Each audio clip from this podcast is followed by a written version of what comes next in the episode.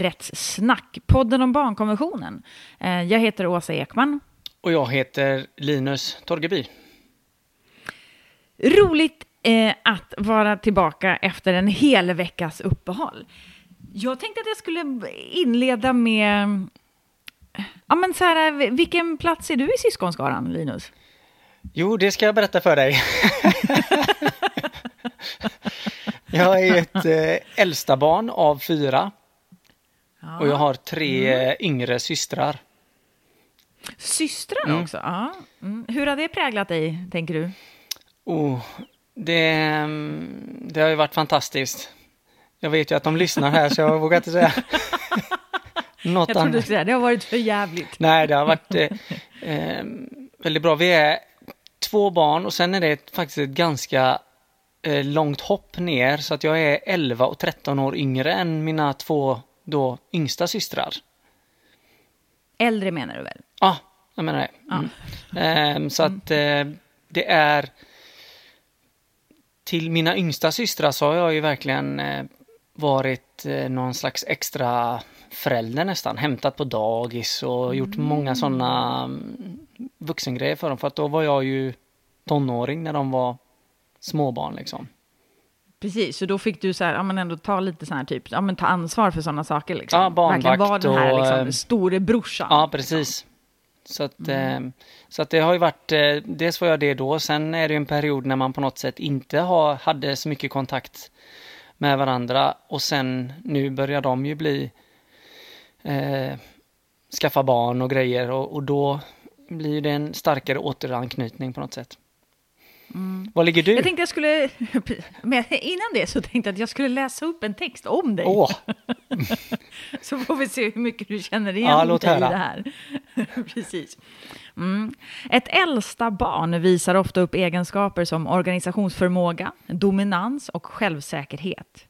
Om du var den som föddes först fick du ensam rätt på föräldrarnas uppmärksamhet. Allting du gjort hyllas till skyarna. Även milstolpar som när du lärde dig rulla över på mage från vänster och inte bara från höger. Som äldsta barn är det sannolikt att du nått framgång i karriären. Det är också sannolikt att din partner förlitar sig på att du styr, att du styr upp saker. Hur känner du igen dig i det där? Åh, det känns som att livet blir som ett enda stort misslyckande efter en liksom gloriös barndom där man bara är hyllad och Sen gick det bara Mästare sen bara, nej, nej, nej. nej men eh, jag tror väl verkligen att det kan vara en eh, ligga en viss eh, del av sanning i det här på något sätt. Att man får, ja, man får, man är med om vissa saker och blir behandlad på vissa sätt beroende på, eh, eftersom jag är äldsta barnet. Mm. Mm. Eh. Då tänker jag så här, det är ju den här organisationsskillsen då, då tänker jag så här, om du fick det genom att ha koll på då, liksom dina yngre systrar och sådär, så tänker jag att den skulle kunna vara fördelaktig när det nu eh, oftast är väldigt många barn som bor med er. Alltså jag har ju, alltså just min organisationsförmåga är ju väldigt bra på vissa områden, men jag skulle inte säga att det är den som karaktäriserar mig. Jag är nog mer mm. kaotisk än organisatorisk på ett sätt. Eh, sen tror jag att jag kan ha mycket i huvudet på något sätt, men jag vet inte om det är organisation just. Um, dominans Nej. känner jag inte heller igen mig. Den låter ju så himla brutal.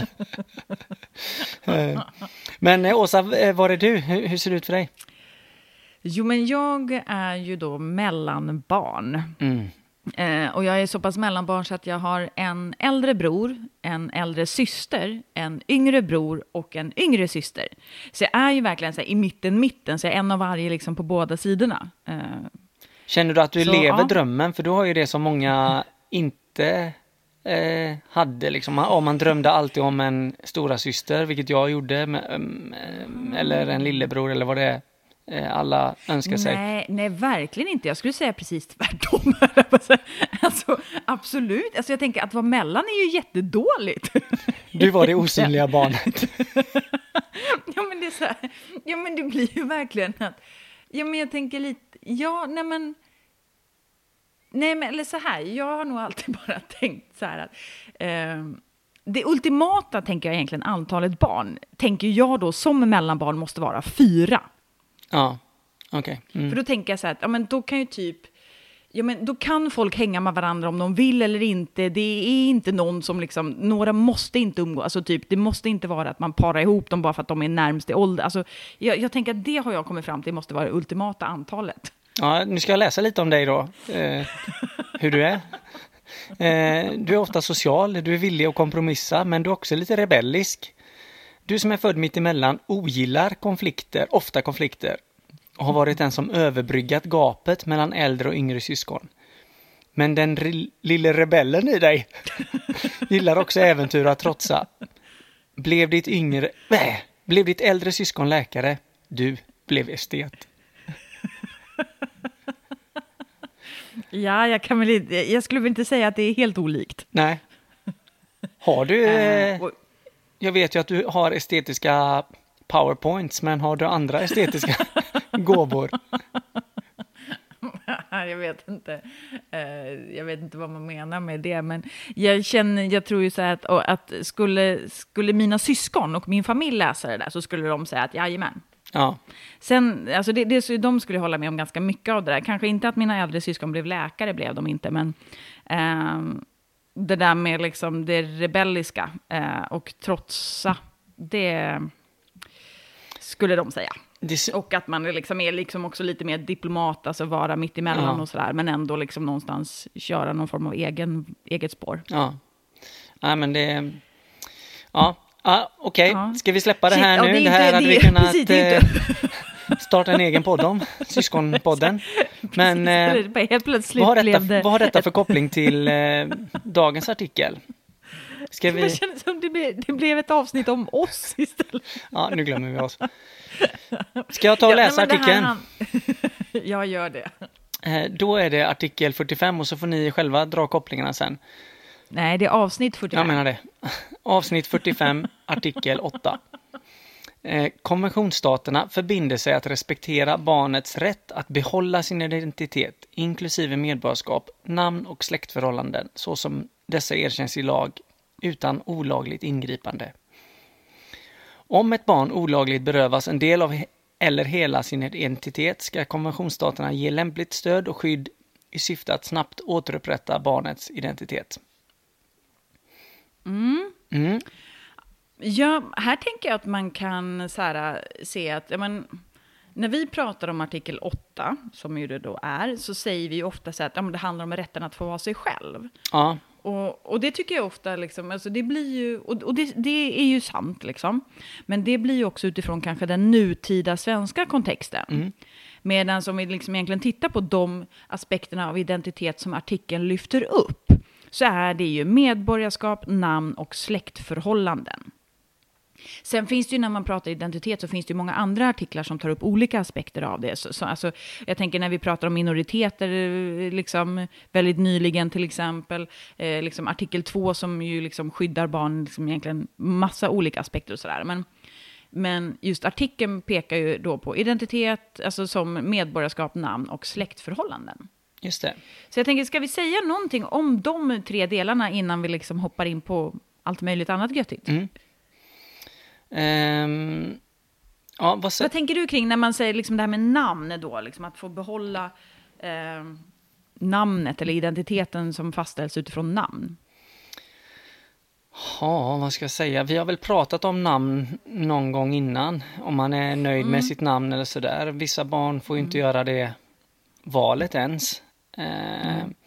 Och vissa barn får ju också eh, byta sitt namn om man vill det. Ehm, men det är ju någonting väldigt eh, specifikt med namnet. Ehm, som är väldigt viktigt på något sätt. Mm.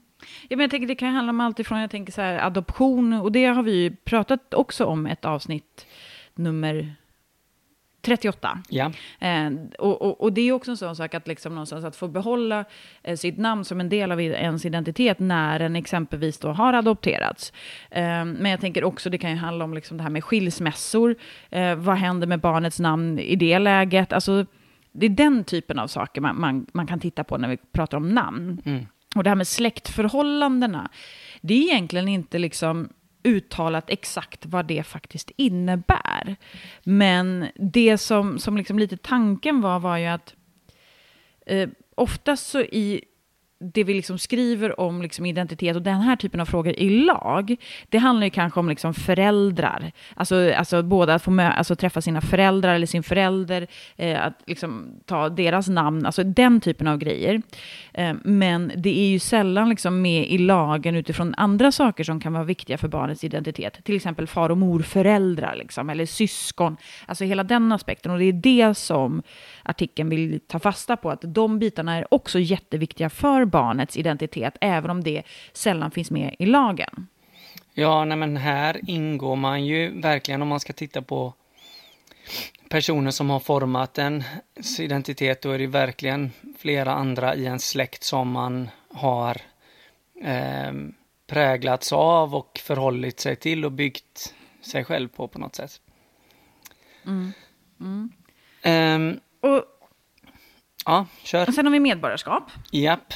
Eh, och det, tänker, det är ju liksom egentligen lite, det de syftar till här handlar ju väldigt mycket om det här med liksom egentligen någon form av nationell identitet i det. Och, och den kan du få antingen genom till exempel liksom, eh, ditt ursprung, alltså dina föräldrar eller din vårdnadshavare. Eh, men det kan ju också vara så att du är i ett land under liksom en längre tid. Så att, och det i sin tur gör att du liksom förvärvar den nationella identiteten. Naturalisation, att, läste jag. Nat är det så? Heter det så? Ja. Eller vadå? Ja. Jaha. Ball. Nej, men och då tänker jag så här, och då, här blir det ju då, kopplar jag ju det direkt till, alltså om man nu pratar om det här nationell identitet och att du då ska liksom ha varit fast bosatt i ett land eh, en längre tid eller genom liksom härkomst då. Då tänker jag det här, dels när det pågår diskussioner om i olika länder och i olika tillfällen så lyfts det olika liksom, förslag, politiska förslag om att man inte ska få ha så här, dubbelt medborgarskap. Mm. Det måste, alltså, är ju inte förenligt med, den här artikeln. Nej. Att liksom förvägra ett barn rätten till liksom, dubbla medborgarskap. Och sen tänker jag också det här när man pratar om ja, men det här, liksom, lagen om tillfälliga uppehållstillstånd. Alltså det är ju också ett klockrent exempel, men det har ju noll med det här att göra. Liksom. Ja. Nej, och, och um hela den här medborgarskapsdiskussionen kan ju kännas som eh, är det någonting som är helt offside eller är det viktigt för barn eller inte? Eh, vilka barn blir det viktigt för? Eh, du, du, sa det här med tillfälliga uppehållstillstånd för att där blir det ju att man hamnar i det här limbot mellan att få vara mm. Mm. någonstans och inte någon annanstans. Mm. Och ja, så att, så att och det finns ju vissa delar, och, och det här ändrades i 2015, då blev det mycket enklare att få ett medborgarskap. Ni kan gå in och läsa på Migrationsverkets hemsida vad som gäller exakt. Men där lyfter man också upp statslösa barn och papperslösa barn. Äh, inte papperslösa barn säger man ingenting om där på just den sidan. Men det vet vi ju som har jobbat och mött de här familjerna. Eh, att ja, det påverkar föräldrarna kanske i första läget för att barn får ofta gå kvar i skolan men i slutändan så blir det också någonting som präglar barnets liv. Mm. Ja, oh ja, oh ja. Um, för jag tänkte på en grej här när, när jag läste på det här med, för det finns ju vissa saker som bara är eh, svenska medborgare får göra. Så att det finns ju då massa barn och familjer och sådär som, som har uppehållstillstånd i Sverige men när du väl blir medborgare, det är först då du får göra vissa grejer. Eh, typ rösta till riksdagen. Rösta till riksdagen, bli invald i riksdagen, men även ha en massa mm. yrken då.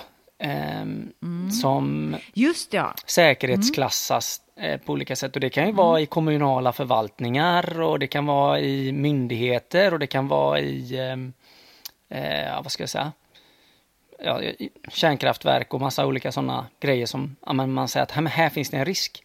Eh, och då tänkte jag lite på vilka yrken som barn vill bli när de vill bli stora. Och då tänkte jag fråga dig, Åsa, vet du vilken, eh, då hittade jag en jätteliten uppsats och det här är inte liksom supervetenskapligt, men det är en pytteliten uppsats med en liten population. Men där frågade man då ett gäng eh, killar och tjejer om vilka yrken de vill bli. Och nu kommer jag då, jag kommer hjälpa dig och det här kommer bli lite liksom för, men, fördoms... Ja, säger, fördoms eh, så att jag säger att Eh, det som jag misstänkte då var, mina misstankar... Polis skulle jag säga. Ja. Mina, jag, jag, jag tittade bara på killarna, ska jag säga. Jag ska erkänna det. Eh, okay, för det var där jag gjorde den direkta kopplingen. Vil, vad tror du killarna vill bli? Nej men alltså, polis skulle jag ju säga generellt. Eh, det var toppkategorin. Så att där får, du, ah. där får du maxrätt. Vad fanns det mer för yrken? Um, ja, men jag tänker sen också, så här, vad heter det, det heter brandperson. Det var också med. ja. De tror jag, ja, där, där, där blir jag lite osäker på medborgarskapet. Men det kan säkert finnas säkerhetsklassade brandmän. Mm. Uh, shit, vad vill Alltså typ fotbollsproffs. Ja, det, det var med. är det så? Ja, pingisproffs var också med. Nej, men sen var det även två stycken som vill bli militärer, soldater. Mm. det kan man inte bli. Och det var någon som mm. ville bli eh, statsminister. Det kan de inte ja, bli. Eh, så att av, om man bara såg direkt så var det liksom 8 av 27 som om de inte har medborgarskap så har de inte en chans att bli den. Mm, och drömma om det då och eh, sen var det även då vissa andra yrken som man kanske skulle tänka att ja, men där är de också i riskzonen. Och det är klart att vissa av de här barnen kommer ju få ett medborgarskap, men det kan ju även vara att några av de barnen var papperslösa. Och det präglar ju också liksom representationen i de här yrkena, att se ja, men vad finns det för ja, några människor som är poliser eller militärer eller vad det nu är och vad så. Det är lite långsökt, men det var ändå en direkt koppling kring medborgarskapet. Mm. Ja, men jag tänker det, ja absolut. Och det har ju också med ens identitet att göra också eh, utifrån, jag tänker så här, eh, arbete generellt brukar den ju säga har liksom väldigt, i olika liksom årtionden eller århundraden så har arbetet varit väldigt viktigt för ens identitet mm. på olika sätt. Mm. Men, eh, Vart kom den här artikeln från då? Ja, alltså den här artikeln var egentligen Argentinas artikel. Yeah. Och egentligen inget annat land fattade riktigt egentligen vad det här handlade om till en början. Utifrån att då var det inte, då stod det inte liksom eh, identitet i form av då som det är nu, liksom namn och släktförhållanden eh, och medborgarskap. Utan då handlade det om, eh, det stod true and genuine personal, legal and family identity. Det var liksom det som var egentligen eh, det viktigaste liksom. Ehm, och och det grundar sig ju egentligen i en liksom historisk kontext utifrån att när arbetsgruppen jobbade fram det här så hade liksom Argentina varit med om ja, men vad ska man säga, det var väl liksom mellan 20 000 och 30 000 personer som faktiskt eh, vad heter det, fördes bort ja, eller liksom ja. försvann eh, i liksom en del av liksom, ja, statskamper och grejer, liksom något, vad kallades det, smutsiga kriget. Ja, militärjuntan. Så det, Ja, men precis. Så att det här har ju liksom verkligen med det att göra. Att, att där hade de här liksom barnen och människorna inte de verkligen berövades ju liksom alla former av ens identitet. Och därför så blev ju också den här artikeln så himla viktig för just Argentina. Så, så ja, var massa diskussioner fram och tillbaka under ganska många år. De fattade inte riktigt exakt vad, vad är då liksom ett barns liksom genuina identitet och vad är skillnaden då med det rent juridiska och så vidare. Så att man, man liksom höll på och, och bytte om och liksom hittade då en, en, konsensus kring det här helt enkelt. Men ursprunget handlar ju just om Argentinas historia. Jag tror, var det inte i Argentina det fanns den här rörelsen de galna mödrarna? Var inte det just mammorna till de här barnen som hade blivit eh, borttagna som gick ut liksom och demonstrerade på gatorna och, och på något sätt Um, och det vågar inte jag, för det vet ja, inte jag. Jag har för mig att det var Argentina. Uh, och det mm. visar ju liksom vad starkt det är och också visar det ju liksom, ja men, uh, att civilsamhället är ju med och präglar konventionen på flera olika sätt. Mm. Ja men exakt, och sen och apropå konvention, så det här var ju också en del i att det sen faktiskt fick Alltså det finns ju en särskild konvention om just det här med påtvingade försvinnanden och så vidare. Ja. Men det är egentligen inte det vi ska prata Nej. om. Men jag tänker apropå Argentina. Ja, nu kommer ju den här grymmaste övergången vi någonsin har gjort. Eh, du vet vem som dog i förra veckan? Ja, din idol. Ja. Eller barndomsidol Precis, i alla fall, min, barndomshjälte. Min barndomshjälte, vi hade ju ett, en, en bild på oss tidigare i, i på våran Insta, ett barnrättssnack. Där jag hade med på min gamla Diego Armando Maradona-tröja som jag köpte på marknaden i Zaire när jag var liten. Mm. Och eh, jag sa det till dig, jag, jag, har aldrig känt så när någon kändis har dött, liksom att men det här är ju en väldigt eh, stark del av min identitet som på något sätt som, som jag hade när jag var barn som, som eh, försvann där. Jag har aldrig varit eh, så att jag kände mig ledsen när någon annan kändis dog. Mm. Men det finns ju en annan... Här, mm. Ja, säg. Nej, men och det här tänker jag många gånger. Tänk alla gånger som man då har spelat fotboll till exempel. Vem ska du vara? Ja. Alltså i en match eller när, man, när det liksom i leken, men vem är du? Ja. Alltså någonstans att det handlar ju väldigt mycket om ett identitetsbyggande för barn. Liksom, det finns ju väldigt mycket så positiva aspekter i att ha då förebilder. Mm. Men jag tänker Maradonas eh, kanske han inte ska ses som en förebild eh, på det sättet. Nej. Utifrån att det finns massa, massa, massa dåliga grejer också. Men, men rent sportsligt så var han ju jätteviktig för väldigt, väldigt många. Ja, och som du säger, den här identiteten att eh, eh, också liksom vara någon slags rebell mot eh, i fotbollskontexten nu då, liksom alla pampar och de som vill göra massa saker. Ja, det finns ju mycket som helst att säga om det. Men det finns en till jättespännande koppling till den här artikeln med identitet och släktförhållande och få äga eller få tillhöra en familj och så. Det var ju att han fick en eh, utomäktenskaplig son som han inte erkände var hans egen förrän efter väldigt, väldigt, väldigt många år.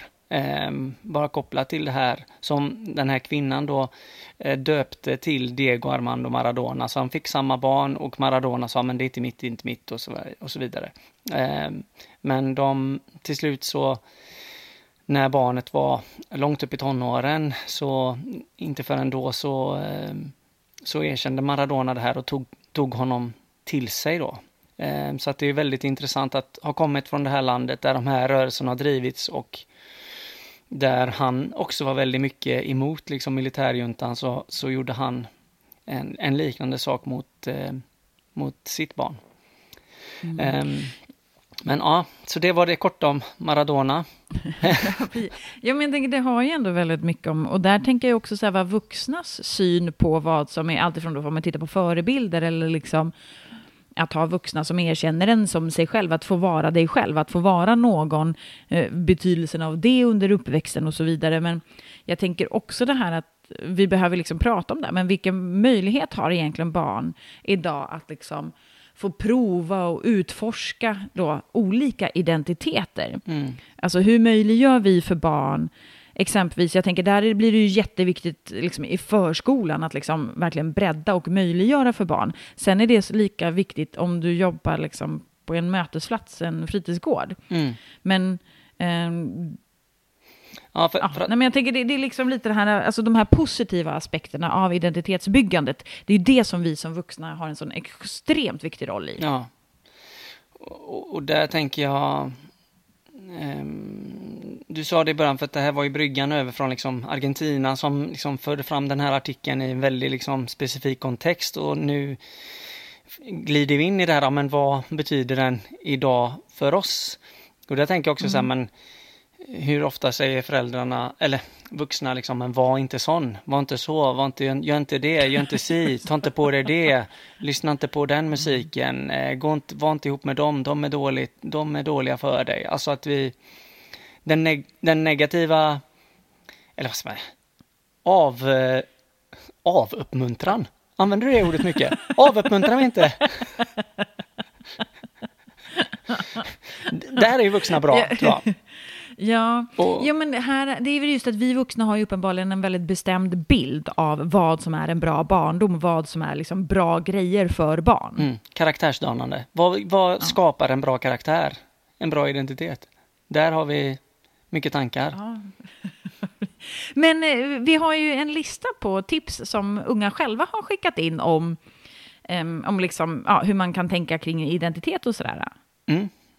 Och mm. det här är ju liksom kopplat också till att lära känna sig själv och, och, självkänsla och självförtroende och mycket av det här är ju så himla kopplat till identiteten och, och, och, um, och, och både liksom att bli sig själv och bli någon och allting. Ja, vad skriver de? Ja, vi kanske ska säga, det är inte till oss de har skickat in det här. Nej, nej. och här finns det på Umo massa delar i just det här med identitet, men här är några punkter. Mm, alltså ungdomsmottagningen på nätet. Ja. Uh, ja, men till exempel så här, är det som säger, men försök vara extra modig och våga lite mer. Våga stå för vad du tycker, våga fråga om sånt du inte vet. Våga göra bort dig och våga bjuda på dig själv. Ja, den är underbar. Mm. Umgås med personer som du gillar och känner dig trygg med. Ja, ja, den är också bra. Du kan känna dig modigare och starkare om du lyssnar på musik som du tycker mycket om. Till exempel när du är på väg till någonting som du känner dig osäker inför eller ska göra någonting som är lite läskigt. Ja, den här är ju väldigt hållbar alltså. Den här praktiseras, mm. kan jag säga. Ofta, ja men jag, eh, alltid. Mm. Eh, ge dig själv uppmuntran och tillåt dig att känna att du är nöjd när du till exempel har gjort läxan eller ringt ett samtal som kändes jobbigt. Ja, men den jobbar jag också med. Jag firar allt. Ja, och vi har ju sagt alltså... att vi ska ha ett avsnitt där vi hatar på betyg och då ska vi, den här liksom står ju liksom i... Jättebra. Ja. Det är du som använder orden hata på betyg, ja. men jag fattar vad du menar. Ja. Vad ska du... Eh, jag kan ju för ja. Jag ska uppmuntra mig själv fram i eftermiddag med, någonting gott. Nej, men det är väl jätteviktigt, herregud. Mm. Mm. Du, kan... du kan vara en Bra mm. och stöttande vän och själv välja kompisar som uppmuntrar dig och som tycker om dig för den du är. Ja. ja. Kramas mycket. Mm.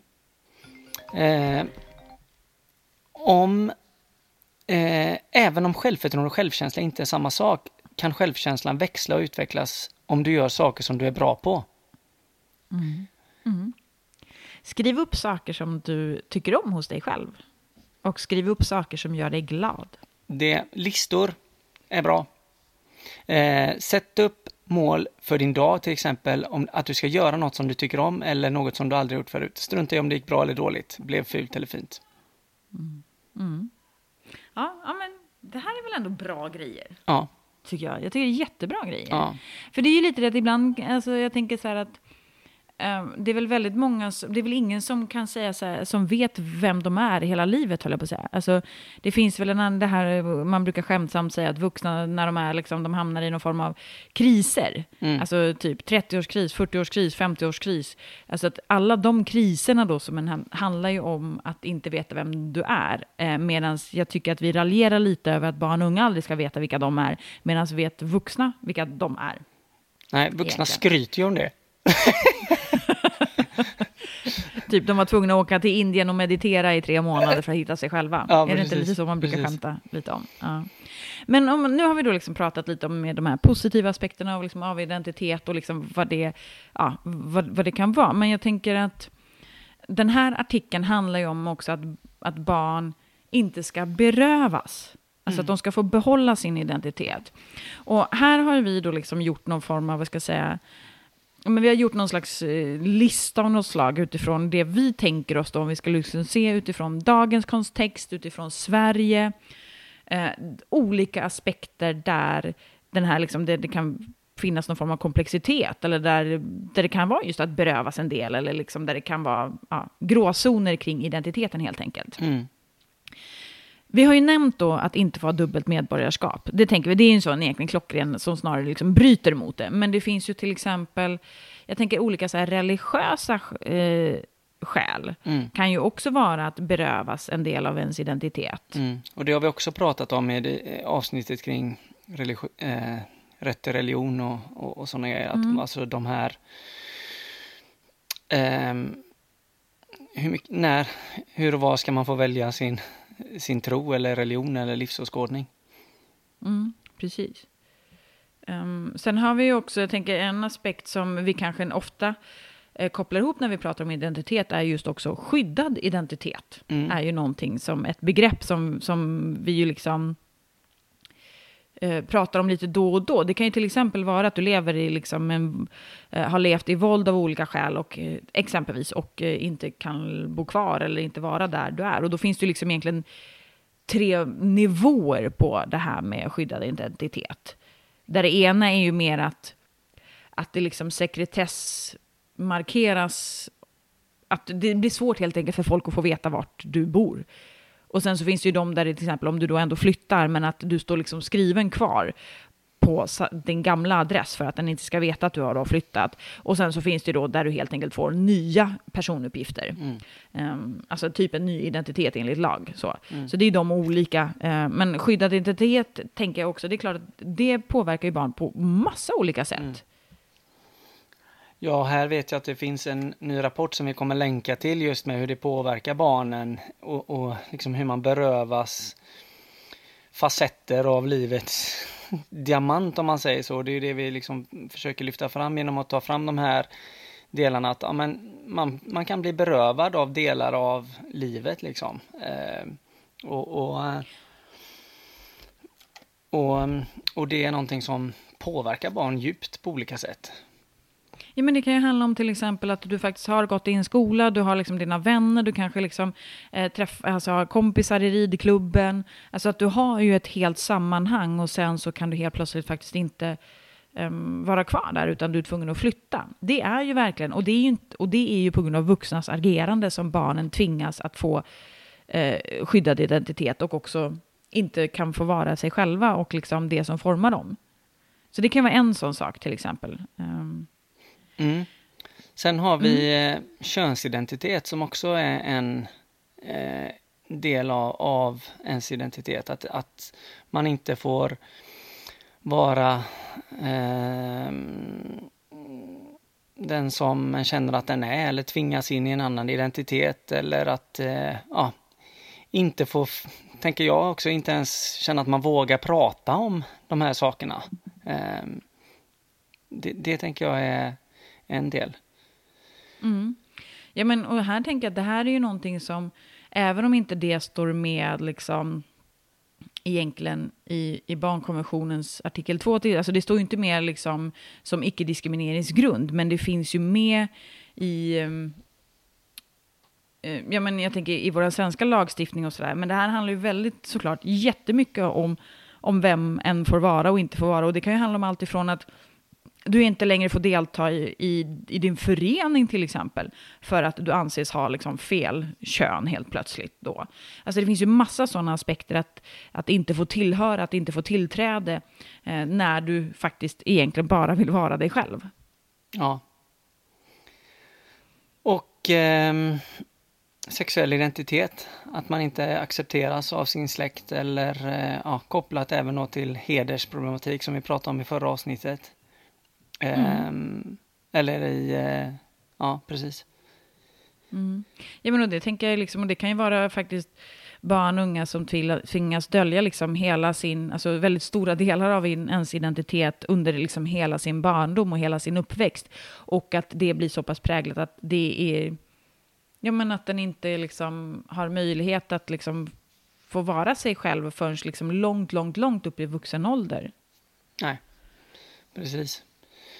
Och sen så har vi pratat lite om det här med att få sin identitet kapad på olika sätt. Eh, och det kan ju vara många delar. Det kan vara att man eh, tar någons ID-kort. Det kan vara att man skapar ett eh, fake-konto på mm, någon sociala medier-app liksom och utger sig för att vara en. Eh, man använder någons bilder och så vidare. Eh, mm. Så att, ja, där finns det ju många delar av det här. Precis, och det heter väl till och med identitetsstöld också, om det är något, alltså att utge sig för att vara någon annan och sådär. Ja. Är det inte så? Heter det inte så? Ja. Sen, har, sen har vi skrivit upp normer också. Vad tänker vi då? Ja, kan man säga att man vara... berövas? Det kan ju låta lite väl drastiskt, men man kan ju känna att man är i en väldigt trång kultur på olika sätt. Mm. Eh, vad gäller allt från liksom Eh, vi pratar om de här ganska så svåra sakerna men även liksom det här med klädstil och uttryck och vad som är inne och ute och status och sådär. Det tänker jag också är eh, väldigt aktuellt för mm. barn. Ja men och jag tänker också särskilt, alltså det här att um, att, att få leka olika saker, att det finns en väldigt tydlig gräns när du anses att du inte ska få leka längre till exempel, eller leka bara med vissa saker. Att det liksom, här kommer in det här också tycker jag, många gånger man säger att men du som är så stor ska väl inte leka med bla bla bla nej, till exempel. Um, och att vi liksom bygger, bygger, att en identitet handlar väldigt mycket om liksom att är du i en viss åldersgrupp, då ska du bara tycka och göra vissa saker för att det är en del av liksom hur den ska vara vid en viss... Och det, tänker jag, det är ju liksom negativa normer som på olika sätt liksom begränsar barn och unga. Mm. Sen har vi det som vi egentligen varit inne på lite innan också med, med det här med liksom barn som ändå är i samhällets vård på olika sätt. Att, eh, till exempel barn som omhändertagits. Eh, och då tänker jag att då blir det ju först det ena, liksom, att du berövas ju först din liksom, eh, typ ursprungsfamiljen i det läget. Att den familjekonstellationen och den identiteten.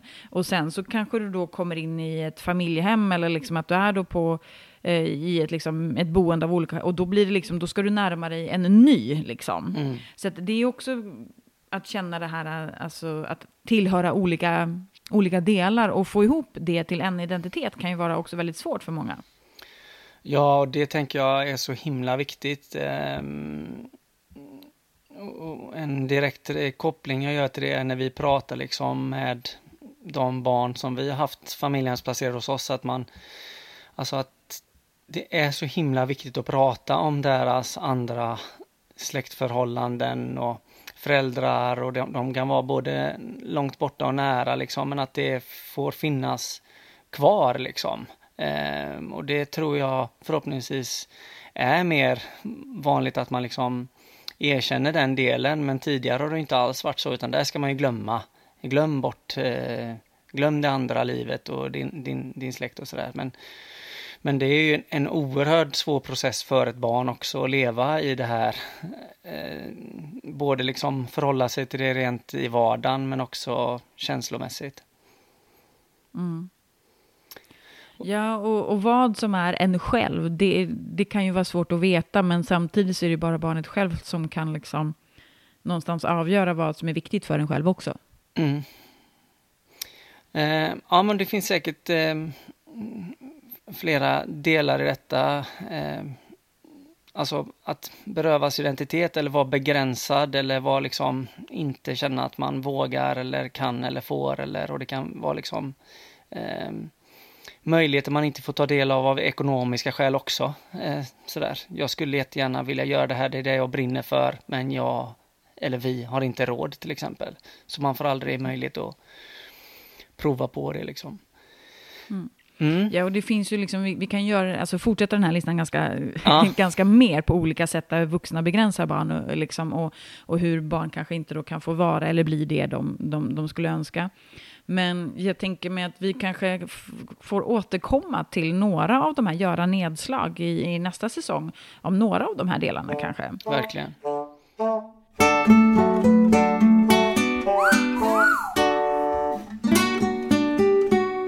Jag, jag, tänkte bara en sak till som, okay, vi inte, ja. som vi inte tog upp nu men som, som vi också resonerade kring eh, när vi planerade det här avsnittet och det var ju det här med anknytningsteori som alltså hur man skapas redan som väldigt liten och vilka faktorer som som präglar en och som i sin tur hjälper en att ha, eh, skapa en så sund identitet, eller sund, vad säger man? Ja men så god identitet och kunna ha fungerande relationer och det här är ju någonting som det finns eh, mycket material om på olika ställen, men det är också blir ju så tydligt att ja, men till exempel våld är en sån faktor som, som påverkar ens möjlighet att knyta an till andra människor och, och där är ju igen det här kopplingen med de andra artiklarna är så himla viktigt. Så.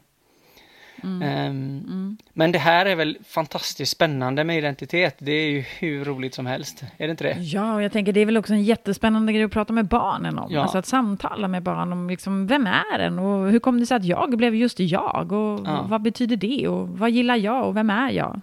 Ja, nej men så gör det. Vi hade tänkt, eh, vi, vi, hade en fundering här på att fråga en massa barn, vem är du? Och sen de svåra, svarade en sak till, som, vem är du? Vem är du? Sen tänkte vi göra det med varandra, men då skulle det bli så läskigt så vi sket i det. Så om ni gör den övningen så gör den lite försiktigt. Eller hur? Precis, exakt. Ja. Ja. Nej, men, ja, men helt enkelt prata om eh, vem ni är, eh, tycker jag. Verkligen, och jobba med eh, att stärka barns självkänsla och självförtroende och uppmuntra det allt vad ni orkar. Verkligen, för det behöver barn faktiskt, på olika sätt. Yes, Tack för idag. då säger vi Tack för den här veckan. Tack för allting. Hör av er om ni har tankar eller frågor till oss. Vi håller som bäst på att planera säsong eh, tre, eller hur Rosa? Och då vill vi Ja. gärna ha in, eh, eh, har ni förslag eller idéer eller gör detta eller detta eh, kring barns rättigheter i Sverige. Så hur, hur ska de nå oss? Ja, men jag tänker så här, Insta är väl enklast, är det inte det? Ni, om, om man söker på barnrättssnack Mm. eh, så, så hittar den oss där, Så skriv enkelt. DM till oss där. Eh, och eh, så, eh, så hörs vi om en vecka. Yes. Ha det fint! Hej då! Hej då! Hej, hej!